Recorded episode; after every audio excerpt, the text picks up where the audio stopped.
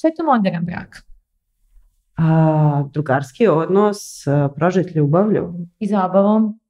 I raznim izazovima. I prevazilaženjem predrasuda.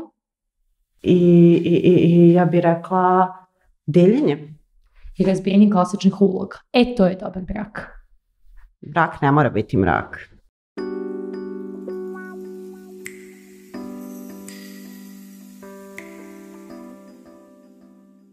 Dobar dan svima, ponovo se srećemo i družimo u ovom našem online prostoru. E, s vama su danas Jelena i Ivana i kroz našu psihodnevnicu Instant e, bavit ćemo se jednom vrlo važnom temom i zanimljivom. Na modern način pričamo o jednoj, pa rekao bih, tradicionalnoj temi. E, pitanje glavno za danas jeste zašto je brak možda danas mrak, a možda i ne. Šta ti o tome misliš?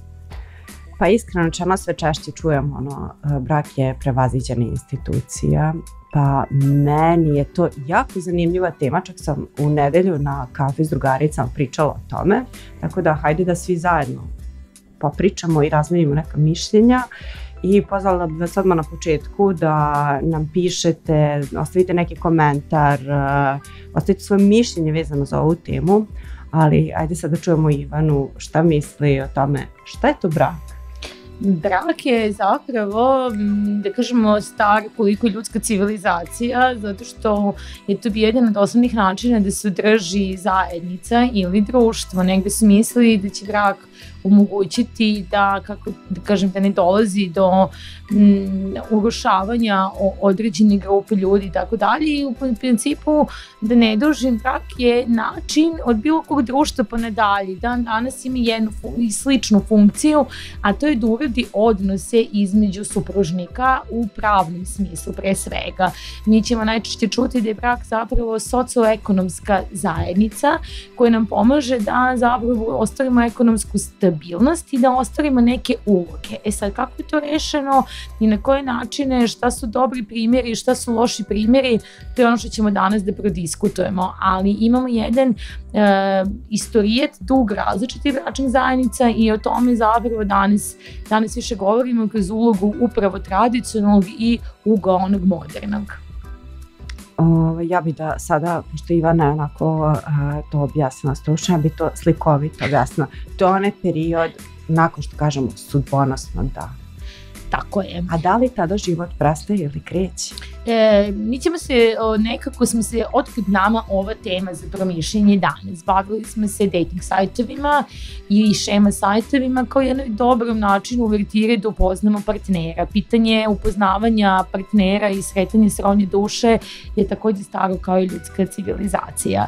E, period zabavljanja, datinga, muvanja, predbračnog života, vanbračne zajednice je ono što prethodi braku i trebalo bi kao kruna svega toga da se desi to sudbonosno da, što ti kažeš. E, s tim što, e, šta nam je u fokusu, zašto smo mi odabrali ovu temu? Ja sam primetila da vrlo često kada uđemo u brak, dešava se kao da nam život stane ili prestane.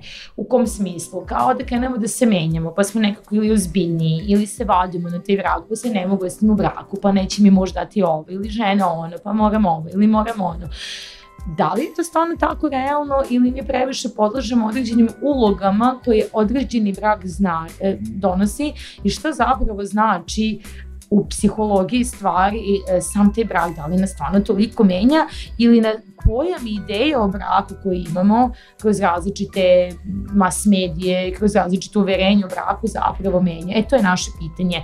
Znači, zašto nam je brak nekada mrak i zašto mislimo da život staje onog momenta kada se oženimo ili udamo ili zapravo počinje da, da se menja pozitivno ili negativno.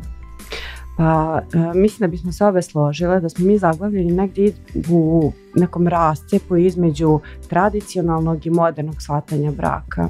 U smislu uh, tradicionalnog braka tu imamo one uh, strogo definisane uloge muškarca i žene, da je muškarac taj koji donosi pare, žena je domaćica koja rađa i odgaja decu. Dok dolazimo do onog modernog shvatanja braka gde je bitna ravnopravnost, gde i muškarac i žena zarađuju pare, donose zajedničke odluke, obe učestvuju u tom odnosu.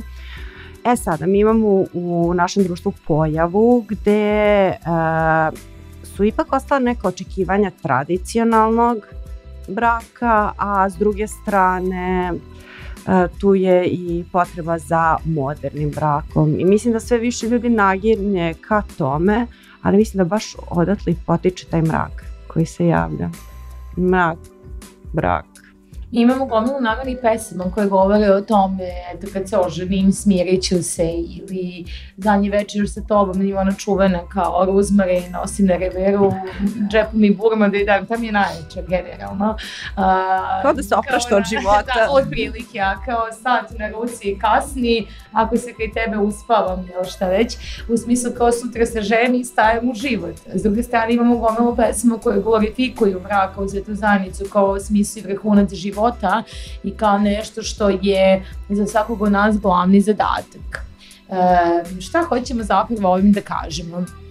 Brak kao brak ne mora da bude nikakav brak. Point braka jeste da unapredimo odnos između dvoje osoba koje negde treba da omogući da postignu mnogo više od onoga što mogu da postignu samostalno. To, to je poenta te zajednice. Takođe, brak je taj koji treba da uredi pravno gledano stvari naslađivanja, imovine, regulisanja obaveza i da bi zapravo stvorio jednu sigurnu zonu ili sredinu za podizanje uzgajanje deci i produžetak same vrste, da to kažemo. U braku ne bi trebalo da se dešava nasilje, ne bi trebalo da se dešavaju prevare, ne bi trebalo da neko bude povređen i oštećen.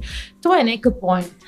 I to je pojenta koji se dugo nije menjalo ili se neće menjati. O, ovome ne govorim o onim temi ugovorenih brakova koji su zapravo vrlo diskutabilni i zapravo spada ono što bismo mogli često da kažemo da je nasilna zajednica iz razloga što tu nema pristanak. Ali u nekom shvatanju prava brak može da sklopi svaka osoba iznad 18 godina i tad prestaje da bude dete po svim konvencijama a, i da samovoljno uđe u brak. Znači brak je svuda negdje definisan, pre, zakonski gledano, kao jedna slobodna volja, kao samovolja. E, i kao nešto da bi trebali da se osjećamo dobro i da naša dobrobit ostane očuvana. I to je neka poenta. Zašto mi ošte mislimo da kada uđemo to da će naša sloboda prestati, e to je neko važno pitanje. Pa ne znam, imam osjećaj da taj stvarno to sudbonosno da menja sve i to što si spomenula kao ovaj, rozmarin još nosim na revijeru i sve ostalo kao da i momačko veče. I ti, uh, ti na primer, uh, rituali, recimo momačko veče, opraštaš se. Devojačko veče. Devojačko veče. Uh, tu često nalazimo na razne stvari kao da posljednji put radimo. U suštini mislim da su to neke predrasude vezane za brak koje ne možemo da prebrodimo. Nismo spremni da pustimo taj deo tradicionalnog i mislimo da će se promeniti u potpunosti život. Ali kako? Ako smo mi već neki period s tom osobom samo taj jedan dan na koji način može toliko da promeni. Može jedino da nam pruži neku safe zone, odnosno sigurnu zonu uh, u kojoj ćemo ploviti zajedno, a ne moramo mi da promenimo mnogome život. Absolutno. Moramo naučiti da delimo, moramo naučiti da naučiti na kompromise koji po mom mišljenju su neminovno od braka, ali ne moramo izgubiti sebe. Apsolutno se slažem. I sad kad pogledaš iz denotativnog ugla, odnosno značenje koje dajemo, mi kažemo pre braka je ono zabavljamo se. Kao da kad uđemo u brak prestajemo da se zabavljamo. Onda brak, kad kažemo brak, čisto zvuči monotono dosadno, još ako imamo neke takve primere iz svog okruženja, e, često nas odbija činjenica. Ja verujem da danas dosta ljudi izbegao da stupi u bračnu zajednicu iz različitih predrasuda o tome šta taj brak donosi, kako moramo da se menjamo, prestaje sloboda, naročito to misle muškarci da će se nešto desiti, neće moći da ne znam, budu da žive momački, ali imam i ono gomilu pesama koje glorifikuju to pa kažu oženjen sam kao momak živim, na primjer. E, kao da prestaje igra, zabava, razonoda, a zapravo paradoks svega toga da nam je to neophodno da bi jedan brak trajao, opstajao i da bi bio dobar i da bi bio nadahnujući za obe strane. Nama je neophodno da nastavimo da radimo ono što smo radili u toku samog zabavljanja da bi taj brak zapravo ima jedan dobar kvalitet. Ja obožavam one parove kad vidim koji imaju dosta godina i dugo su zajedno, ali zajedno putuju, zajedno idu na neke događaje, zajedno plešu, zajedno imaju različite aktivnosti i to mi je negde fenomenalno kad vidim, uvijek mi je to negde dobar primer učuvavanja jednog odnosa. A dobro, koliko je bitno zadržati taj neki lični deo, odnosno imati nešto svoje, znači da li je bolje da jedan par sve radi zajedno, ili da ipak imaju i dalje neko svoju zonu zanimanja, nešto njihovo. To vidite, evo da čujemo od, od, na, od vas koji nas slušate šta je zapravo za vas bolje. Rekla bih da to zavisi od nekih preferencija, kako ko doživljaju šta je kome potrebno. Nekome je potrebno da više vremena provodi u toj bliskosti, a nekome je potrebno veći period povlačenja i nekog vremena za sebe. Ali negde je neminovno da zadržimo pa psiholozi kažu 10 do 20 procenata vremena za sebe, za ono što mi kažemo intimno ja.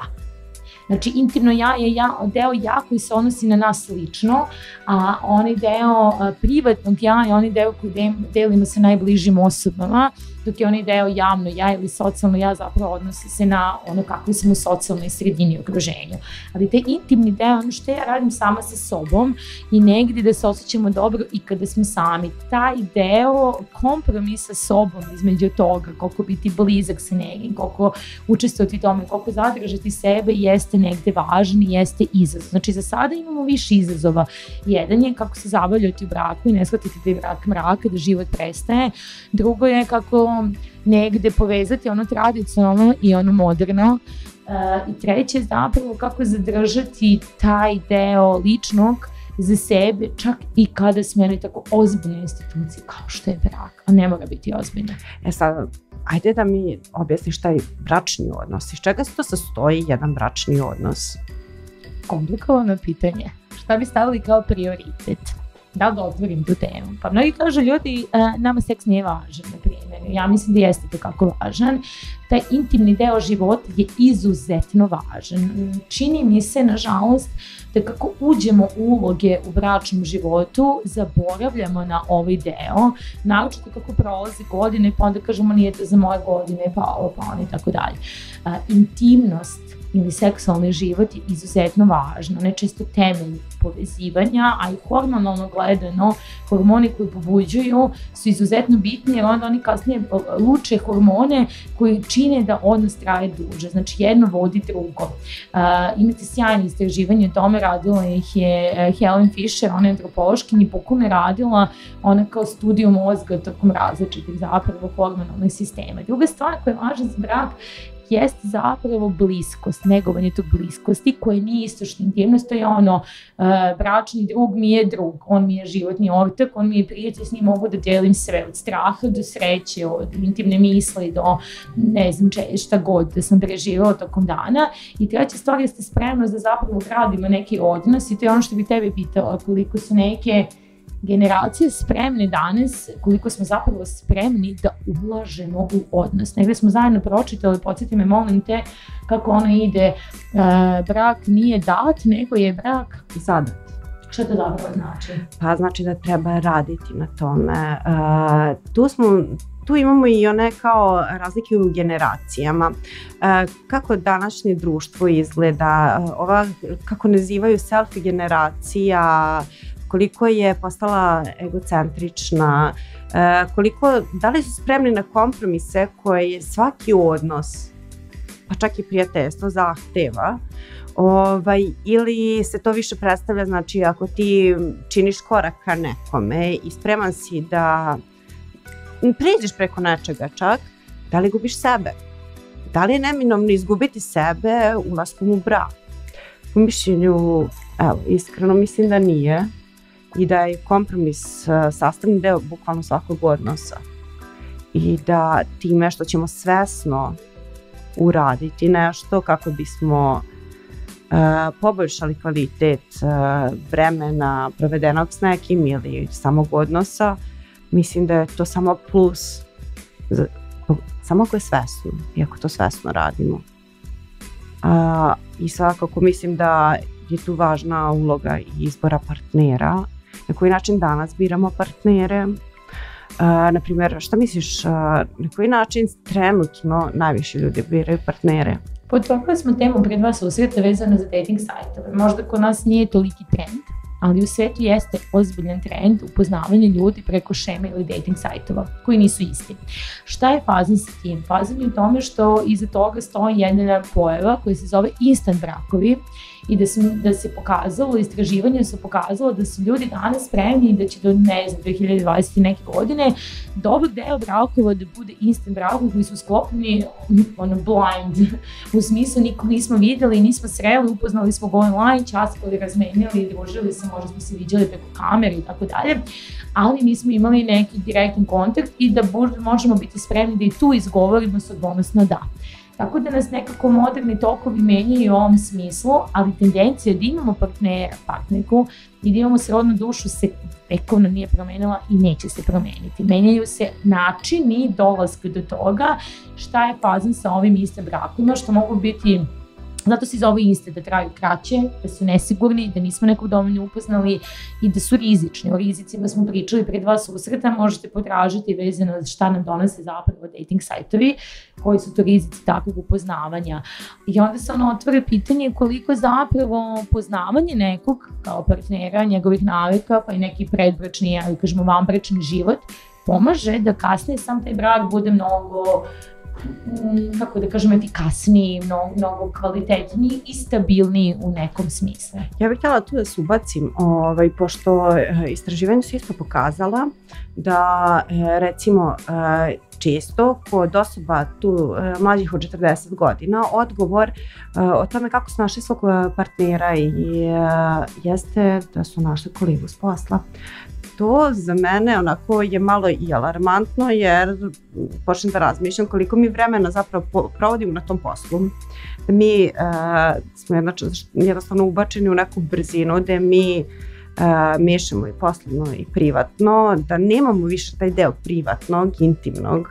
Ovaj, I odgovor mi najčešće bio da te osobe najviše poznaju da im je lakše s njima da komuniciraju, da imaju zajedničke teme. Mm. Znači, gubitak i tema van posla, ja mislim da je to veliki ovaj, problem trenutno uh, uopšte partnerskih odnosa.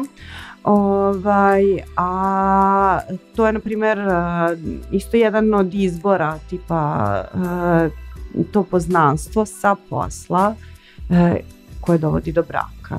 I uh, to mi je zanimljivo, na primjer, to kad si rekla životni ortak, da, e, sapotnik, drug, e, da li, e, koliko mi trebamo da znamo svog partnera s kojim stupamo u brak, da li on zapravo naš drug, da li treba da bude i drug i ljubavnik ili dovoljno da bude ljubavnik kada mi svoje teme koje nas muče delimo sa drugaricama da ne opterećujemo muža. Treba da bude jedno i drugo, nekako sa partnerom treba da delamo upravo sa te tri dimenzije od intimnosti i spremnosti da budemo u duže vezi do samog, do same bliskosti, a bliskost upravo podrazumeva da delimo sve mali rituali koji ljude rade zajedno, da li će ujutro piti kafu, da li će uveče gledati seriju, da li će razgovarati i zapravo povezuju jesu uvertira bliskost.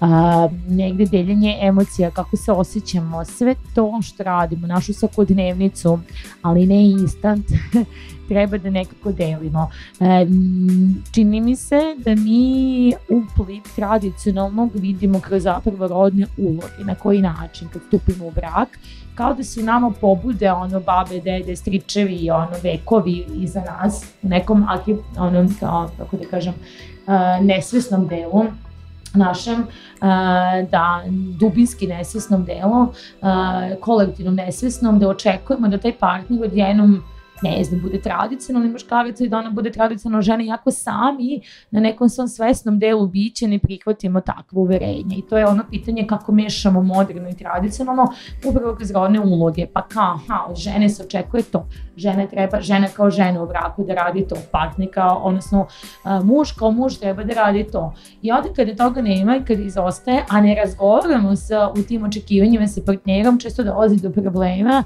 i često se razočaramo i često imamo one imaju iste neke žalbe, a svi su muškarci takvi, a žena mora da se namuči u braku ili mora da se odredim karijere ili on će da šrlja ili, a to su zapravo tradicionalne uverenja. U modernom braku, u nekom drugačijem obliku braka koji mi sami definišemo i to je ono što mi je pojenta danas, ne mora da bude tako. Kad kažem sami definišemo, kao i koji bilo koji drugi odnos, sa partnerom se dogovaramo oko svih pravila koje imamo. Znači, da li će nam ovo odgovarati, neće nam odgovarati. E, Kao da. i u prijateljskom odnosu što si ti spomenuo. E, pregovaramo. Ovaj, znači, tu nilazimo na taj deo. E, naprimer, e, koliko je rodna ravnopravnost e, uticala na promenu e, te institucije i druga stvar, upravo taj pirba brak, to jest moderni brak, gde mi kreiramo e, kako će izgledati ta institucija. Ok, mi je zasnivamo, ali mi postavljamo pravila. Nekad je to bilo, bila crkva, bog, Tako je. onda e, društvo. društvo, odnosno država, a sada se otvara mogućnost da sami kreiramo tu instituciju. E, to je odlična pojenta. Negde smo, kad smo se spremali za ovaj podcast, istražile da su svi brakovi do 16. veka zapravo zasnovani na tradicionalnim odnosima, kulturi i nekim običajima. U 16. veku e, zvanični brak je bio samo ni brak koji odobri crkva ili koji se skopi pred Bogom, bilo čiji da je to Bog, bilo koje vere. A negde od francuske revolucije, buržovske revolucije, gra, brak postaje građanska institucija. E sad, ja bih tu volila da spomenemo i da mi možda jesmo prevazišli te stvari, da mi sada, nam je lako da imamo građansko pravo, odnosno građanski oblik zajednice, ali tugo još uvek u većini, većim delu sveta važi za heteroseksualne parove. Šta je sa homoseksualnim parovima, koliko njima znači mogućnost da stupe u brak, koliko je to pitanje koje se tiče svih nas, jer e, vrlo često su marginalizovani, vrlo često ne mogu da ostvare one prava koje mogu druge osobe kada su građanskoj zajednici kao što je brak. I zašto je važno da imaju to pitanje, zašto mi ovo predusudi prema tome. Pa ne znam, čisto ne ilaziš i na mišljenje da je zapravo upravo to legalizacija istopolnih brakova oštetila instituciju braka i da tu gubi neki značaj i sve. Mislim, to nije tako. Znači, to je samo davanje mogućnosti, odnosno ostvarivanje prava svakog čoveka na jednu sigurnost i na saživot uz uva, odnosno kako to da jednostavno uvažavanje od njegovih prava kao ravnopravnih partnera. Tako je, jer ti bez toga, bez zvanične, da kažem, zajednice, ne možeš da naslediš, ne možeš da potpišeš, ne znam, za svog partnera za neku operaciju lupam u bolnici, za neke druge stvari koje ti osobama ne možeš, kako bih to rekla, da ne mogu se regulisati, ostane neke stvari, zato je važno da podržimo taj trend generalno, da imaju pravo na ono što mi imamo pravo, da to je da stupe zvanično, formalno i legalno jedan oblik, građanski oblik oblik zajedničkog života. Šta ćemo dalje sa tim da radimo, to je sad individualno pitanje. Mislim, u različitim braku možemo da otvorimo pitanje problematike sada. Znači, ovo je funkcija braka da uredi pravo i da nam omogući sigurnost. A, drugo pitanje je kako mi dalje zapravo sa tim kad to dobijemo. Znamo da ima mnogo prevara u braku, znamo da ima mnogo razvoda, nezadovoljstva kvalitetom odnosa. Da. Šta se sa svim tim dešava? Nekad ne otvoramo tu temu i izgleda nekad kao da se podrazumeva, kao da je propratni deo stupanja u brak, da prođe medeni mesec, pa ti onda još i prete, a vidjet ćeš ti posle pet godina, a vidjet ćeš ti za ova, a vidjet ćeš ono. Ja uopšte ne verujem u to. Uh, e, sad to je ono važno pitanje. Kako negovati brak da ne postane mrak?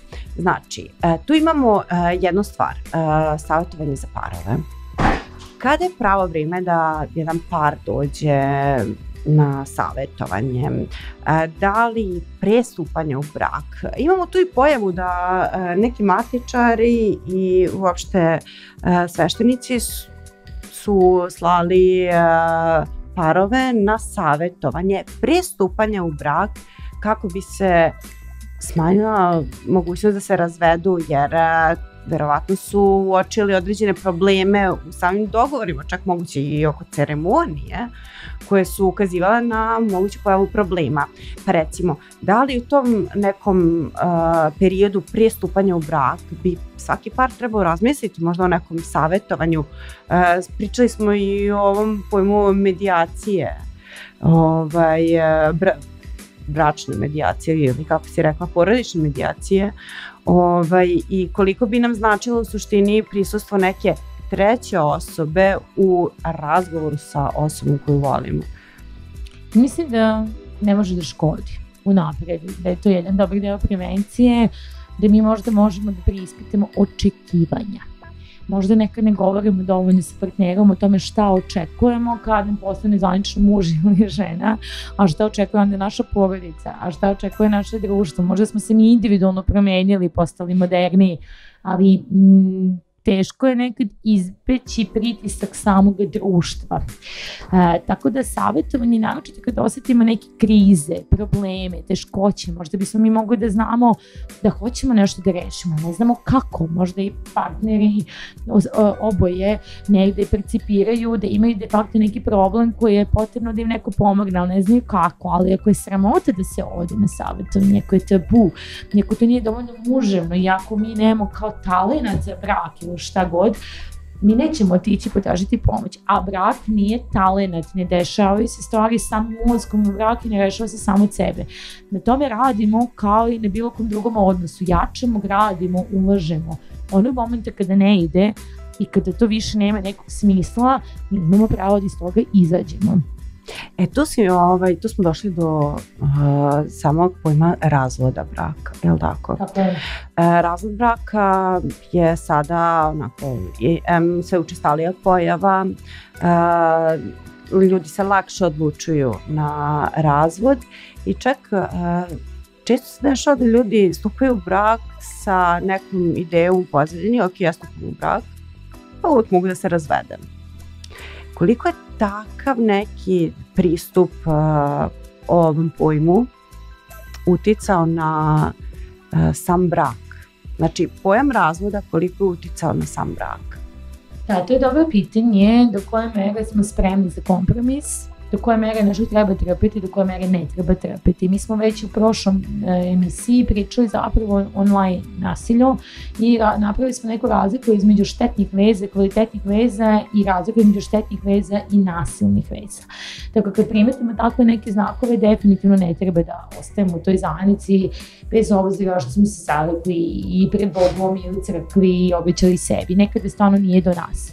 Sa druge strane, čini mi se, naročito ove selfie generacije, kao što si me naučila šta to znači, da će na svaku pojavu problema, nerazumevanja, teškoće, odustati, jer kao zašto bih ja trpela ili trpela. Imam taj moment da sve više čujemo oko sebe te nove generacije koje su u fazonu zašto ja da nešto trpim, ja sam bitan, ja sam važan, ja sam bitan, ja sam važan, neću da trpim ništa.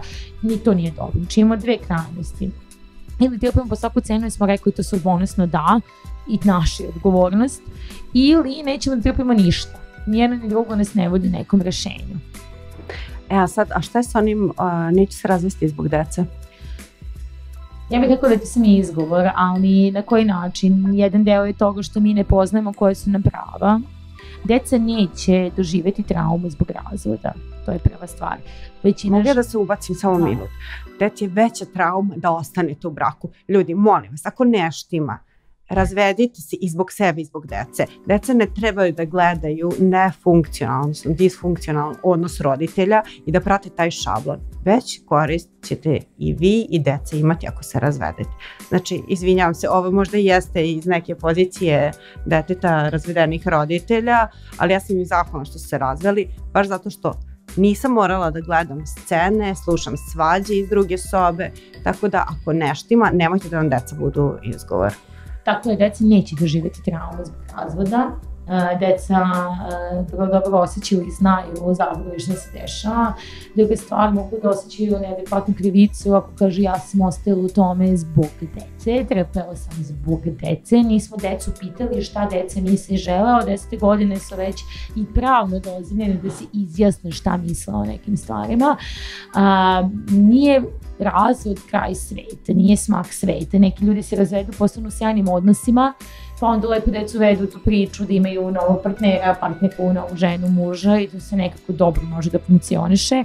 Opet i u svemu tome nam je važno da zadržamo dobru komunikaciju nekada ne ide taj oblik zajednici, to je ok, imamo pravo da pokušamo drugi put, treći put, da budemo sami, to je sve u redu, ali to je ono kada očuvamo sebe, to je što smo pričali, to je ono kada očuvamo i kompleks realnosti, to je ono kad ne podvidimo sve samo tom odnosu, to je ono kad ne krivimo sebe što smo ne znam u tom momentu, mi u jednom momentu možemo doneti ovoliko da nam partner izgleda kao neko s kim možemo provesti ceo život, neku okolnost će se nekad promeniti, mi ćemo se promeniti, imamo pravo da se predomislimo i to je nekako važno da znam. Razvod nije smak sveta i ja sam uvijek za ono bolje dobar razvod nego loš brak. Upravo zato što si ti ovo rekla, upravo zbog akumuliranog nezadovoljstva, već ćemo vrlo često tražiti izlaz iz toga sa strane, kroz cheating, kroz različite, ne znam, šeme, afere, varanje, E sad to, taj deo sa varanjem, ovaj, to nam je bilo i prošli put. Šta sve spada u varanje? E, da li to e,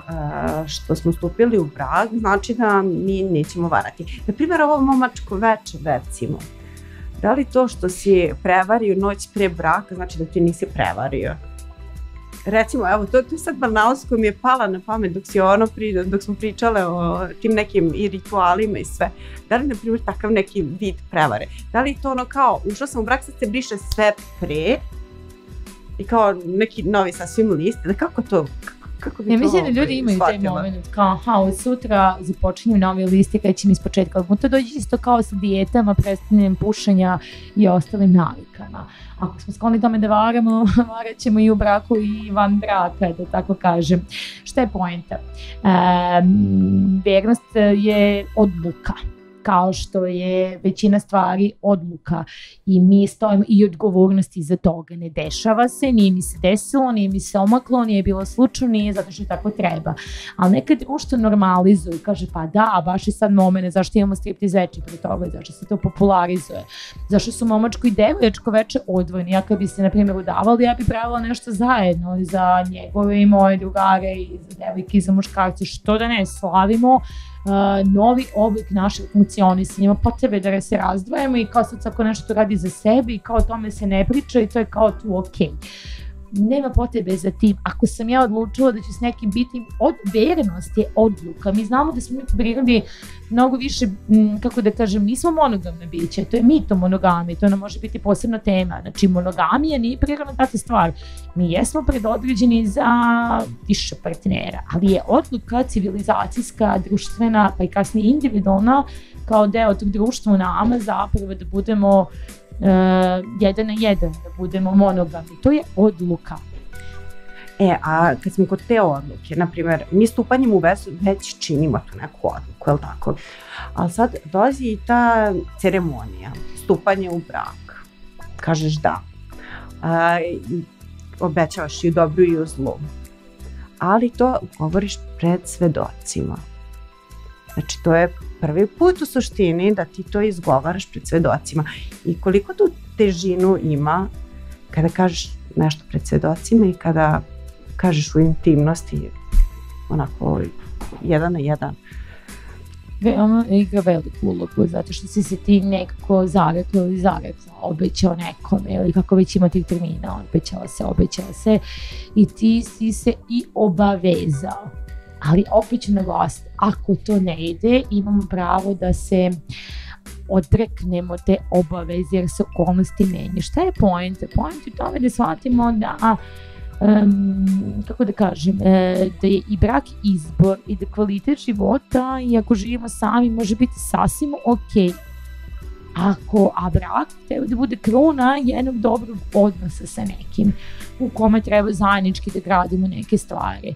A, ne mora po svaku cenu i jeste ovo kad se ispred nekoga obećamo, onda nam malo bude glupo da povučemo tu reč. Ali kako bih rekla, opet ohrabrujem sve da procenjuju i da mi redovno nekako evoluiramo gde smo sa tim, da pratimo sebe. I tu opet dolazimo do onog psihološkog momenta, koliko samo sebe, šta nam je potrebno, koliko smo u kontaktu sa sobom, koliko sve to komuniciramo. Naglasila bih kao psihološkinja i terapeutkinja da negde za svaki odnos, bilo kakav, partnerski, vanbračni, bračni, prijateljski, je komunikacija temelj temelj, temelj svega. Znači, tu nam je bitno da budemo zaista direktni, otvoreni. Dobro, i, ovaj, i ok, ako u trenutku prepoznate da nešto nije u redu sa komunikacijom, da potražite pomoć, svakom od nas treba ponekad prevodilac. Tako je. Tako je sad negde da zaokružimo ovu priču. Još samo za kraj bi te nešto pitala, opet bi da čačnemo onu važnu temu. Šta misliš, zašto toliko zapravo imamo prevara u braku? Zašto se nekako legitimišu u društvu ili normalizuje da neko ima devojku ili momka van braka, jedna, dva, tri ljubavnika, ljubavnice, a kao vraća se onda, pa ti onda često čujemo žena, nažalost, onu predaju sudu, pa ok, nema vezi, nek me vara, eto to je deo to kao braka, opet to tradicija, ali kao bitno da je onda brota donosi novac u kući ili šta god, ono. Pa to je mislim da je i taj deo uh, nespremnosti na kompromis, onda razlozi za stupanje u brak su jako upitni. To sam htjela da prije nego što završim, znači razlozi zašto stupamo u brak. Izvini Ivo, ali obe smo već baba devojke. Nama je vrijeme, znači da stupimo u brak, većina mojih drugarica ovaj, je odlučila da stane na ludi kamen. E da, to je... Ja sam oni konkurenciji out of the question, odnosno ja se više ne dovodim u pitanje, pošto imam 36 i još malo 37, tako da ja bi već bila matora, da bi se po meni kao mladi, znaš mlada, pa termin mora da si mlad, ja više ne spadam u A koje boje venčanicu bi nosila? Mm, ne znam. Nisam o tome razmišljala. Ne, sebe u. Nisam možda razmišljala. Time sam htjela da započnem ovu, ovu diskusiju, ali onda svetla morala bi ja da dam odgovor, a zapravo nisam nikad. Ja uopšte nemam tu fantaziju venčanja, to je možda i problem. Ja uopšte nemam tu fantaziju, nikad nisam mašta o tome da mi se krona života dešava tamo kad se udam i da neko tebe, ne znam, da se oslanja nekoga. Meni zapravo Uh, super koncept ovog vanbračnog života. Tako živim i to mi se dopada iz razloga što nekako mi daje taj osjećaj slobode in to mi daje mogočnost, da eto, to je si ko izmogne Google, kao mi daje prostora da vidim gde sam, volim taj kao cohabitance moment, kao živimo tu zajedno, u saradnji smo, pa ćemo videti, e, ne opterećujem se samom tom formom, ali i ne bežim od toga, ali ako se desi, desi se, nisam opterećena godinama, vremenom i tako dalje, ali društvo jeste i vrlo često imamo taj društveni pritisak. Uh, ima jedna sjajan poruka na Facebooku, ne da si ne bude ništa, to mi se baš dopada, zato što vrlo često, nažalost, su žene te koje se više anatemišu u društvu ako se nisu udale, kao da ne vrede dovoljno. Znamo iz tradicije da je to ono bilo pola si osobe. Gledaju slavlje evo, znači kad sam završavala srednju školu šta ću pisati? Završila fakultet, dobro kad ćeš naći posao, sad našla posao, radim, Kaš se udati? Iduće pitanje kad ćeš roditi. Kad ćeš drugo dete e, Znači, konstantno te neke tradicionalne mm, vrednosti namećiti se to neko shvatanje, ali tu imamo i taj deo ovaj, straha od samoće. Znači, često ljudi tačno. prihvataju da stupe u brak zbog straha od e, starosti, da će umreti sami. Pa onda već evo vrijeme i gazi, odluče da nađu partnera i izaberu osobu koja možda i ne odgovara najbolje, ali oni su našli nekoga.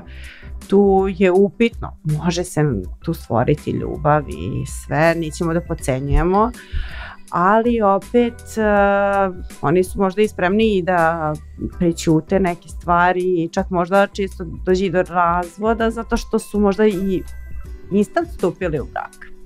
Tako je, imamo zapravo i ovo jedno neiscrpno polje ispitivanja a, od toga kako to izgleda, koji su razlozi, šta se tu i svime dešava.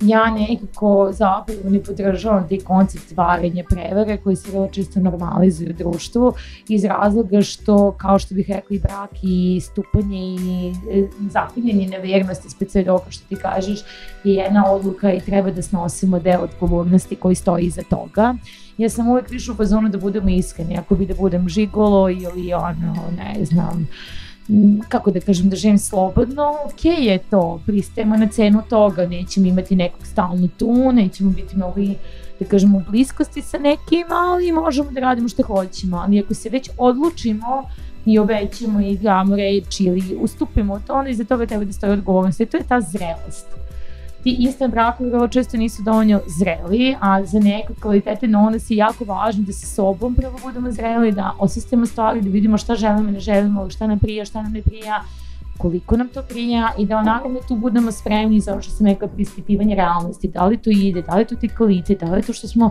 očekivali želi, da li smo uložili to da se promeni ili nismo uložili, da li onda ima smisla ili nema i da nastavimo dalje. Nije smak sveta ako se razvedemo, nije smak sveta ako ostanemo sami u života, nije smak poenta života samo brak, jeste važan i jeste nešto uh, što je možda kruna nekog odnosa, ali nije jedini način, tako da to je ono malo da razbijemo ovaj mrak oko braka, toliko od mene za završnicu, imaš li ti nešto što Pa imam, ovaj, svaki naš izbor ima neku posledicu, nosi neku posledicu, ako ćemo ostati sami, to nosi isto posledice, ako stupimo u brak i on nosi neminovnosti za sobom. I jednostavno mi biramo da li će biti mrak. Znači, jednostavno, ono što smo rekli, jednostavno trebamo naći način da taj brak ne bude mrak. Apsolutno se slažem. Ja sledećeg puta pišite nam šta mislite o ovoj temi. Da li je za vas brak, mrak ili jedna je sjajna stvar. Hvala. Prijetno.